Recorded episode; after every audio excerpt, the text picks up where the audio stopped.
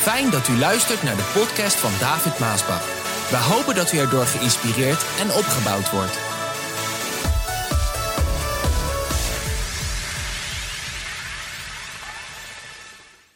De handelingen van de apostelen.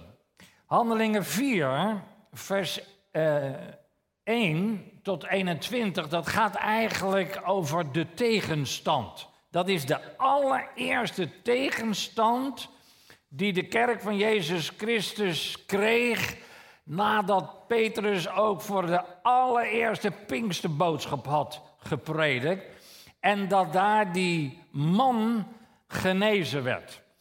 En dan lees je dat dus Johannes en Petrus, net vervuld met de Heilige Geest, vol van de Geest Gods, opgaan naar de tempel om te bidden. En dan komen ze langs de Schone Poort, daar zien ze die lamme man. En die wordt dan door hun genezen, die wordt door Petrus genezen. En dan bij die Schone Poort heb je natuurlijk een hele, ja, dat is natuurlijk een heel gedoe wat daar ontstond, een hele verzameling met mensen. En dan wandelen ze met die genezen man, wandelen ze naar de tempel en dan komen ze in de zuilengang van Salomo. En dan lees je, terwijl dus Petrus aan zijn tweede preek was begonnen, in vers, wat is het, Handelingen 4, vers 1. Terwijl zij nog tegen de mensen spraken. Kijk, sommige dingen moet je even goed lezen, zodat je weet waar zitten we en wanneer gebeurde dat en wat gebeurde er. Vandaar dat we ook zo door het boek van Handelingen heen lezen. Terwijl Petrus dus nog eigenlijk aan het preken was, op dezelfde manier zoals ik aan het preken ben hier tot u. Stel je voor, ik ben aan het preken en ik ben, in mijn, ik ben in het vuur aan het preken. En dan plotseling komen daar kerkleiders. Die komen naar voren. En die onderbreken mij. En die stoppen mij. Maar dat is wel wat er gebeurde bij Petrus. Terwijl zij nog tegen de mensen spraken, kwam de leider van de tempel samen met de priesters en de Sadduceeën naar hen toe. Nou, dat was natuurlijk heel wat, want dat was een zware delegatie wat daar aankwam en Petrus stopte. En dat zijn bepaalde machten en geesten waarvan ik denk de meesten nog niet eens besef hebben wat dat is als je daarmee te maken krijgt. Maar dat was voor het allereerst dat ze die enorme tegenstand kregen, en niet van de wereld, maar van het Sanhedrin. Want die priesters, die Sadduceeën, die wetgeleerden, die priesters met de leider, dat, nou ja, ik kan het quoten, dan heb ik opgeschreven, is makkelijk om het uit te leggen, dat heette het Sanhedrin. Het Sanhedrin, dat was de Joodse Hoge Raad. Het Sanhedrin was het bestuurslichaam en het gerechtshof bij de oude Israëlieten in Jeruzalem. Zo ging dat in die tijd. Het bestond uit 72 leden, waarvan 23 leden de kern vormden. En de meeste van hen, niet allemaal hoor, maar de meeste van hen, die waren antichristus. Die waren tegen Jezus. Dat wil zeggen, zoals zij wel tegen Jezus waren, zo waren zij ook fel tegen zijn volgelingen. En daar kregen ze dus hier mee te maken. Hij predikte vol vuur die Pinksterboodschap. En net dat geweldige wonder, dat grote wonder, dat die man die daar zo'n 40 jaren vanaf zijn geboorte verlamd was en weer kon lopen notabene. En God loofde en prijsde en met hen mee naar die... Nou, je zou toch zeggen, als hier iemand genezen wordt, hè, die, waarvan wij al weten, die is al 40 jaar, weet ik veel wat, heel erg ziek, die is genezen. En ik loop met zo iemand naar voren. Nou, dan, dan zijn we toch allemaal blij of niet? Dan gaan we toch allemaal klappen en God loven en prijzen. Dan moet er toch een hele blije sfeer ontstaan en uitbreken.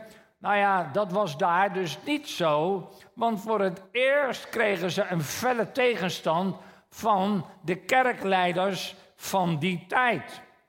Vraag: wat was de boodschap die Petrus en Johannes predikten? Ook in die eerste boodschap, ook in deze boodschap. Wat was hun boodschap aan de mensen? Ook nadat die man genezen werd. Het antwoord is: Jezus leeft. Hallo. En wat moet onze boodschap vandaag zijn? Jezus leeft. Hij is niet dood, hij is opgestaan. En hij gaat nog steeds door met het werk dat hij begonnen is te doen, waarvan we lezen in Lucas, dezelfde schrijver als handelingen. Hij geneest nog steeds. Hij verlost nog steeds. Hij bevrijdt nog steeds. Want hij is dezelfde en hij is niet dood. Hij leeft. Dit is eigenlijk wat Petrus aan het prediken was. Jezus leeft. Degene die jullie gekruisigd hebben, gedood hebben, die is weer opgestaan uit de dood. En die, die heeft die man genezen, die gaat nu weer door. Dat was de boodschap. Handelingen 4, vers 2. Kijk, toen die kerkleiders dat hoorden, die, ja, ik noem ze maar kerkleiders, vind ik een makkelijk woord ervoor, zou je vandaag misschien zeggen, die waren woedend. In plaats dus van blij, waren hun woedend. Waarom waren ze woedend? Omdat ze het volk vertelden dat Jezus niet meer dood was. Luister, ook dit heb ik weer langzaam gelezen en leg ik het langzaam weer bij u neer om te belanden in uw denken, in uw geest. Als dat nou het enige was wat zij vertelden en zeiden, Jezus is niet dood, hij leeft. Nou, dat doen we vandaag natuurlijk ook dan vraag ik me nog af of ze zo woedend waren. Maar er was iets wat daarachter zat, wat er schuilde in de boodschap Jezus leeft. Want, lieve mensen, er staat, en daarmee, met die boodschap, Jezus is niet dood, Jezus is opgestaan, daarmee leerden zij dat er een opstanding uit de dood is. Begrijp je dit? Wij zeggen dus niet alleen Jezus leeft, zoals we dat vaak ook quoten, Jezus leeft. Als je dat zegt, en er ook in gelooft natuurlijk, dan leer je, dan geloof je, dan zeg je dat er een opstanding uit de dood is. Halleluja. Jezus had ook gezegd: Ik ben de opstanding, ik ben het leven. Je zal leven ook al ben je gestorven. Lieve mensen, vandaag ook, er is een opstanding uit de dood. Hij is de eerste die is opgestaan uit de dood. En wij zullen dat ook om voor eeuwig met hem te zijn. Halleluja. Prijs de Heer. Een opstanding uit de dood. Lieve mensen, als ik zeg er is een opstanding uit de dood, want Jezus leeft, moet ons maken dat we zeggen: Oh, halleluja. Prijs de Heer. Er is een opstanding uit de dood. Ik leef voor eeuwig. Want Hij leeft in mij. Hij is niet dood, Hij leeft in mij. beseffen we dit? Jezus leeft in jou. Hij leeft. Oh, halleluja. Dus daar waren ze zo woedend, want die Sadduceeën, die geloofden helemaal niet in de opstanding. Daar waren ze ook op tegen als iemand dat leerde. Want daar geloofden ze niet in. Ze geloofden ook niet in engelen. Handelingen 4, vers 8. Petrus, die vervuld was van de Heilige Geest. Zie je, dit maakte het hele verschil. Petrus was vervuld met de Heilige Geest. Hij was niet meer diezelfde man voor Pinksteren die bang was om over Jezus te praten. Ik ken die man niet. Het maakte nou niet meer uit. Hij was vol van de Heilige Geest. En ja, zo stond hij daar. Vol van de Heilige Geest. Quote. Dat betekent het vervuld zijn met de Heilige Geest. Betekent dat Petrus alles doorzag. Toen hij daar stond. Dat hij absoluut verzekerd was. Dat hij onwankelbare moed had. Dat hij in volle vrijmoedigheid sprak. Dat hij in vuur en vlam voor Jezus stond. Dat hij een echte nieuw Jenner is. Ah, ik ben ook een nieuw Jenner. Jullie ook? Ik ben een nieuw Jenner. Halleluja. Vraag. Dit is ook zo mooi. Vraag. En daarom hoop ik dat je het zelf ook gelezen hebt. Dat je weet waar ik nu ook over spreek. Vraag. Wat was de diepe indruk die Petrus en Johannes maakten op die kerkleiders? Wat was nou. Kijk, zij, je moet dat een beetje begrijpen hoe dat toen ging. Dat. Zij waren, zij waren gevangen genomen. Hè, ze waren meegenomen, tegenstand kregen ze. Voor het eerst wat ze nog nooit zo hebben meegemaakt. Hij, hij bracht een Pinksterbroodschap, werd gevangen genomen. De volgende dag werd hij daar uh, voor die raad gebracht van het Sanhedrin. Dat zijn uh, allemaal van die intellectuele, hele wijze mannen die daar rondom zaten in een soort, ja weet ik veel wat. En hun stonden daar in het midden, werden ze ter verantwoording geroepen. En toen begon hij natuurlijk te spreken. Petrus, zoals hij ook sprak tegen de mensen, leerde dat Jezus leeft.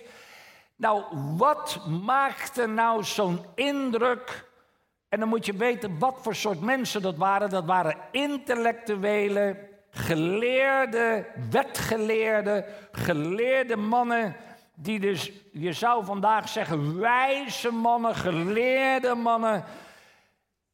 Waar hij tegen sprak, hij als visser, hij was een visser, eigenlijk ongeletterd, zeker in die tijd, gewoon een visser, die sprak maar het grote verschil was vervuld met de Heilige Geest. Als je vervuld bent met de Heilige Geest, dan maakt het niet uit tegen wie je ook spreekt. Ik heb mijn papa in een discussie gezien met heel van dit soort wijze theologen van vandaag, maar die theologen konden niks maken. Echt, ze konden niet tegen hem op. Terwijl mijn vader gewoon een zeeman. Hij komt van, van, van de Holland-Amerika-lijn, een zee, zeeman. Uh, en, tegen dan zulke geleerde, intellectuele mensen. Maar ze konden niet tegen hem op. Dat komt omdat hij vervuld was met de Heilige Geest. En een andere keer kwam er zo'n spotter en die, die, die werd mijn vader ook in het midden van de televisie en de interviewen en mensen eromheen. En hij begon een liedje te zingen en te spotten. die vent die deugt niet, die vent die deugt niet, die deugt voor En toen vroeg mijn vader aan het einde, iedereen was natuurlijk hilarisch, lachte natuurlijk eigenlijk van, zo, die hebben ze Maasbach aardig, hè, zo, aardig klem. En die, die staat verschut. En toen zegt mijn vader, mag ik ook een liedje zingen? En die interviewer dacht, ja, wat, wat, wat kan anders? Ja hoor, dat is goed. En mijn vader, hij pakte een grote plaat met Jezus aan het kruis en hij zette hem neer. En toen begon hij te zingen. Hij was verwond voor onze zonden. Het werd doodstil. Doodstil. En daarmee pareerde hij eigenlijk alles wat die vent daar, die spotter, zo tegen hem had gespot openlijk. Het was de Heilige Geest die hem ineens zo gebruikte om tegen al die spotters in te gaan. En kijk, en dat gebeurde eigenlijk hier precies hetzelfde. Het antwoord, de Joodse leiders, die waren verbaasd dat Petrus en Johannes zich zo vrijmoedig verdedigden. Hoewel ze toch mensen zonder opleiding waren. Hier staat het al. Ze zijn een eenvoudige visser zonder opleiding. Kijk, en dit is mooi. En zij herinnerden zich dat zij allebei veel met Jezus waren omgegaan.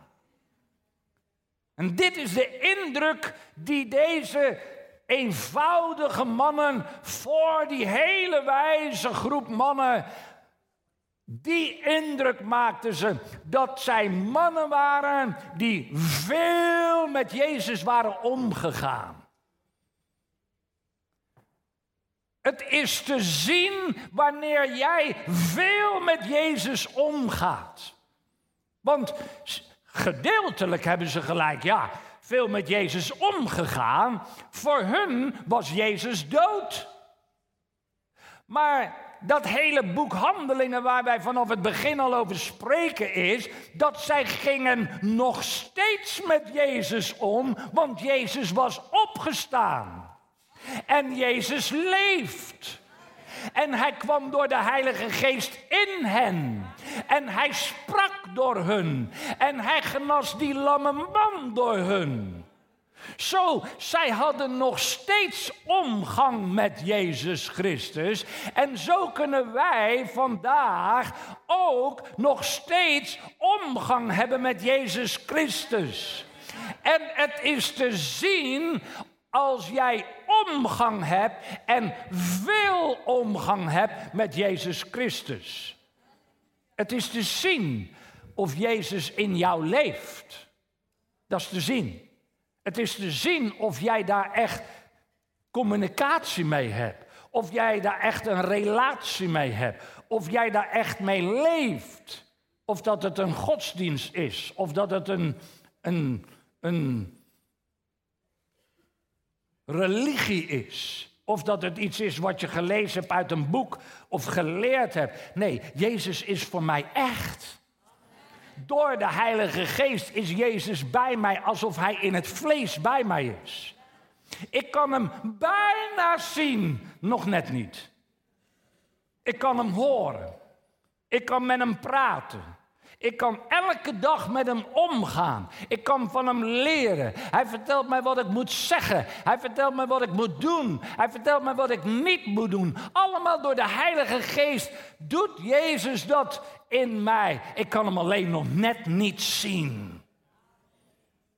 Dat is die grote dag die zal aanbreken. Als ik hem zal zien, degene die met, met wie ik praat. Zo, quote, ik zeg dit. Wanneer iemand zegt een geestvervulde christen te zijn, maar hij geeft de indruk met alles wat hij zegt, schrijft en doet een vijand te zijn van de gezindheid van Christus, dan is die persoon absoluut niet vervuld met de Heilige Geest. Besef je dit wat ik hier aan u zeg? Mensen die dus zeggen een christen te zijn, mensen die zeggen een geestvervulde christen te zijn, maar zij geven de indruk met alles wat zij zeggen, schrijven en doen, dat zij vijanden zijn van de gezindheid van Christus. Dus dingen zeggen, schrijven en doen die tegen dat wat Jezus zou doen, zeggen en schrijven doen, die daar tegenin gaan, die hebben de geest van God niet. Dat zijn geen christen. En er zijn vandaag heel wat namaakristenen. Want Jezus zegt ook aan de vrucht ken je de boom. En mensen die dus allerlei dingen zeggen, schrijven en doen, die, die dingen stuk maken, die het werk van God stuk maken, die de gemeente stuk maken, lieve mensen, dat zijn geen christenen. Al zijn het je familieleden of vrienden, maar het zijn geen christenen. Quote dus, Petrus en Johannes waren niet alleen veel met Jezus omgegaan, zij gingen nog steeds veel met Jezus om. Want Jezus leeft. Kijk, en dit is zo mooi vandaag. Nog steeds doet Jezus het werk wat hij begonnen is te doen. Ook vandaag. Hij geneest mensen. Hij verlost mensen. Hij bevrijdt mensen. Hij herstelt mensen. Dat is allemaal, hij, hij doet zoveel wat hij gedaan heeft hier op aarde, doet hij nog steeds vandaag.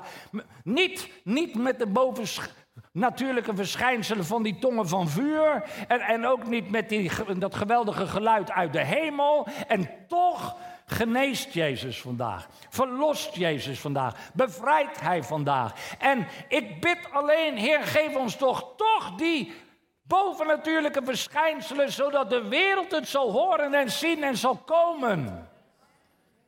En dat we hun het evangelie mogen brengen dat Jezus leeft. Degene die er niet in geloven, dat ze mogen gaan geloven. Jezus leeft. Hij leeft in mij. Hij leeft in jou. Laat dat dan ook zien, lieve mensen. Wees het licht. Wees het zout. Wees het verschil. Nou, dit is wat die wijze mannen Johannes vroeg. Dus even vraag. Wat wilden die kerkleiders van Petrus en Johannes nou weten? Wat? Hun stonden daar dus in het midden. Het wonder was net gebeurd. Het Sanhedrin eromheen, die, die kerkleiders, wat, wat ook, uh, wat zei ik in het begin, het gerechtshof, het bestuurslichaam daar in Jeruzalem was. Wat wilden die kerkleiders nou eigenlijk weten? Nou, het antwoord. Zij lieten Petrus en Johannes binnenbrengen en vroegen hun door welke kracht of namens wie heb je dit gedaan? Dat is wat zij aan Petrus en Johannes vroegen. Want er stond een derde man bij.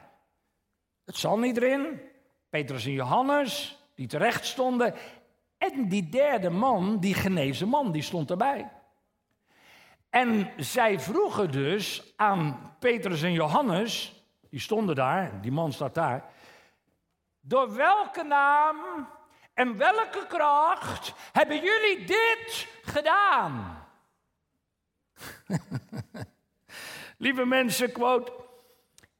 In hun vraag want zo lees ik het. In hun vraag beaamden zij het grote wonder dat Petrus en Johannes zojuist hadden gedaan. Want ja, je moet je dat dan voorstellen. Het Sanhedrin, Petrus en Johannes, de genezen man, die bekend stond als verlamd 40 jaar, die dus op wonderbaarlijke wijze genezen was door Petrus. In de raad vragen zij, door welke naam en welke kracht hebben jullie dit? Wat is dit? Dit is het grote wonder. Door welke kracht en welke naam hebben jullie dit tegen die man groot? Ze noemden die man dit. Dit grote wonder. Dus zij beaamde dat er een groot wonder was gebeurd. oh, lieve mensen. Maar, kijk, en dan moet je ook weer een beetje weten het Oude Testament. Je kan het een beetje beter begrijpen, deze vraag, door als je Deuteronomium 13 leest. Want kijk, daar komt het ook vandaan. Hè? Luister wat er staat. Als er een Deuteronomium, hè, helemaal in het begin, hè, als er een profeet onder u is, of iemand die zegt de toekomst te kunnen voorspellen, door middel van, luister, dromen of tekenen of wonderen te kunnen doen, tekenen, wonderen te kunnen doen. En als zijn voorspelling uitkomen en hij zegt: Kom, laten wij de goden van andere volken aanbidden, luister dan niet naar hem, want de Heere stelt u dan op de proef om te zien of u werkelijk met hart en ziel van hem houdt. Kijk, het was dus de gewoonte, als er dus een wonder was geschied, als er een teken was gedaan, en dat was dus uitgekomen, iedereen kon het zien, en al, dan gaat iedereen ook geloven. Dat is, dat is bijna altijd zo. Mensen zien is geloven, is ook het spreekwoord. Als mensen dat dus zien, gaan ze geloven. Als mensen dan gaan geloven in die profeet, in die dienstknecht van God, in degene die dat wonder heeft gedaan, maar die persoon gaat vervolgens de mensen afleiden van de levende God, zegt God dat die man ter dood gebracht moest worden. Want die persoon heeft weliswaar een groot wonder gedaan en teken gedaan, maar vervolgens misleidt hij de mensen door ze mee te nemen op een andere weg naar de afgoden. En dat gebeurde veel in het Oude Testament. Deze het Oude Testament maar. Daarom had God gezegd: jullie moeten erop toezien dat als er dus een wonder of een teken geschiet, dan moet je de feiten gaan vragen. Dat kun je later ook in ditzelfde stuk lezen. Dan moet je de feiten gaan vragen, kijken, bekijken, onderzoeken. Of die persoon wel of niet de mensen meeneemt in een verkeerde weg. Dat is eigenlijk wat het Sanhedrin nu deed. Zij onderzochten het wonder wat echt daar gebeurd was, want die man die stond voor hen. En iedereen sprak erover. Dus het antwoord van Petrus hierop, op die vraag door welke kracht en welke naam hebben jullie dit wonder gedaan, is heel erg belangrijk. Ik bedoel, ik weet niet of ze nog steeds iets doet, maar je hebt Jomanda gehad, die deed ook allerlei tekenen. Heb je gezien de zalen die volliepen met haar? Maar dat was niet in de naam van Jezus en in de kracht van de Heilige Geest, dat kan ik u wel vertellen. En er zijn er nog vele andere geweest. Zijn concrete voorbeelden die wij hebben van onze tijd. Dus voor ons geldt eigenlijk precies hetzelfde. Dat we altijd opmerkzaam zullen zijn wanneer daar bovennatuurlijke verschijnselen plaatsvinden, dat we opmerkzaam zullen zijn, dat we ons niet laten misleiden en meenemen op foute wegen. Want zelfs de antichrist zal grote wonderen doen en tekenen doen. Zo Petrus' antwoord was heel erg belangrijk. Handelingen 4, vers 8. Petrus die vervuld was met de Heilige Geest antwoordde: Geachte leiders, van Israël. Als ik het goed begrijp, worden wij vandaag verhoord omdat wij iets voor een invalide man hebben gedaan. Waardoor hij, hij staat in het midden, is genezen. Kijk, dat was zo belangrijk dat die man daar stond. Waardoor hij is genezen. Nu, wat ik u en het hele volk van Israël moet zeggen is dit. Deze man hier gezond voor u staat, komt door de naam en de macht van Jezus Christus uit Nazareth. Hij geeft hier de naam en de kracht. Een antwoord dus op hun vraag: in welke naam, welke kracht heb je dit gedaan? Wel, het is in de naam van Jezus Christus die leeft. Als er dus wonderen en tekenen geschieden ook in onze dagen, is het door de naam en de kracht van Jezus Christus die leeft. Hij is niet dood, hij leeft. Hij doet vandaag nog steeds wonderen. En dan zegt hij erachter, die door u gekruisigd werd. Maar door God weer levend is gemaakt. Oh, de opstanding uit de dood. Nou, dit was natuurlijk een heel goed antwoord. Maar wat er nu volgt is belangrijk in het licht van Deuteronomium. Dat er onderzocht werd of zo'n persoon de mensen wel op de juiste weg meenam. Vers 11. Nu blijkt hoe de steen die door de bouwers was afgekeurd, juist tot de hoeksteen is geworden. Er is bij niemand anders redding te vinden. Hij is de enige door wie mensen gered kunnen worden. Dit is in het licht van Deuteronomium heel belangrijk. Want Petrus quote hier Psalm 118. Want in Psalm 118 staat: De steen die door de bouwers was afgekeurd, is juist de hoeksteen geworden. Dit wisten hun. Even terug naar de tekst van Petrus. Nu blijkt, zegt hij dus tegen dat Sanhedrin, in de naam van Jezus, in de kracht van Jezus, staat deze man hier gezond voor u. En nou, nu, nu je dit, dit grote wonder ziet, wat Jezus heeft gedaan en in zijn kracht, nu blijkt dus hoe de steen die de bouwers, die jullie hebben afgekeurd, zegt hij eigenlijk, ter dood gebracht hebben. De bouwers hebben afgekeurd, juist tot een hoeksteen is geworden. Er is geen andere naam dan de naam van Jezus waarop mensen gered kunnen worden. En daarmee beantwoordt hij dus Deuteronomium dat hij niet iemand is die wonderen deed en de mensen afleidde van God op een verkeerde weg, maar juist in de boodschap naar God toe bracht. En dat is eigenlijk ook voor ons vandaag.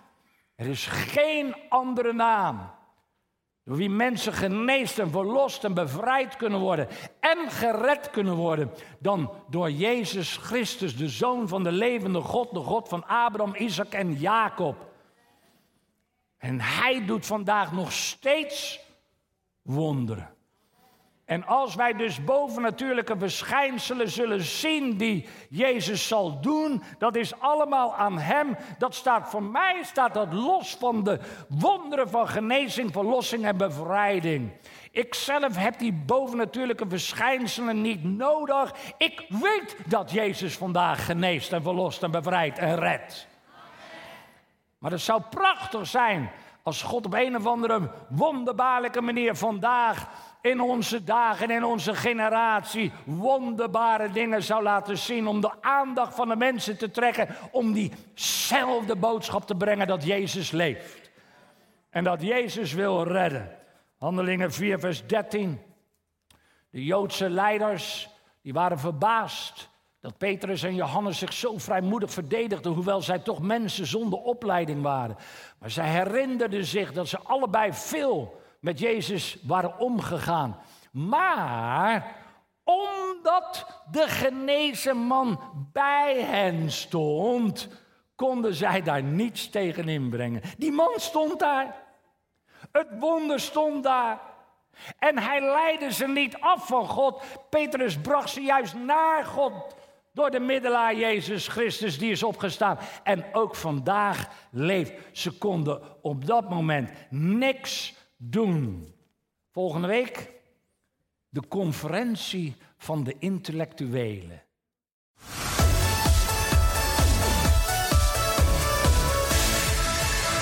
Bedankt voor het luisteren naar deze podcast. Wilt u meer preken beluisteren? Ga dan naar message.maasbachradio.com.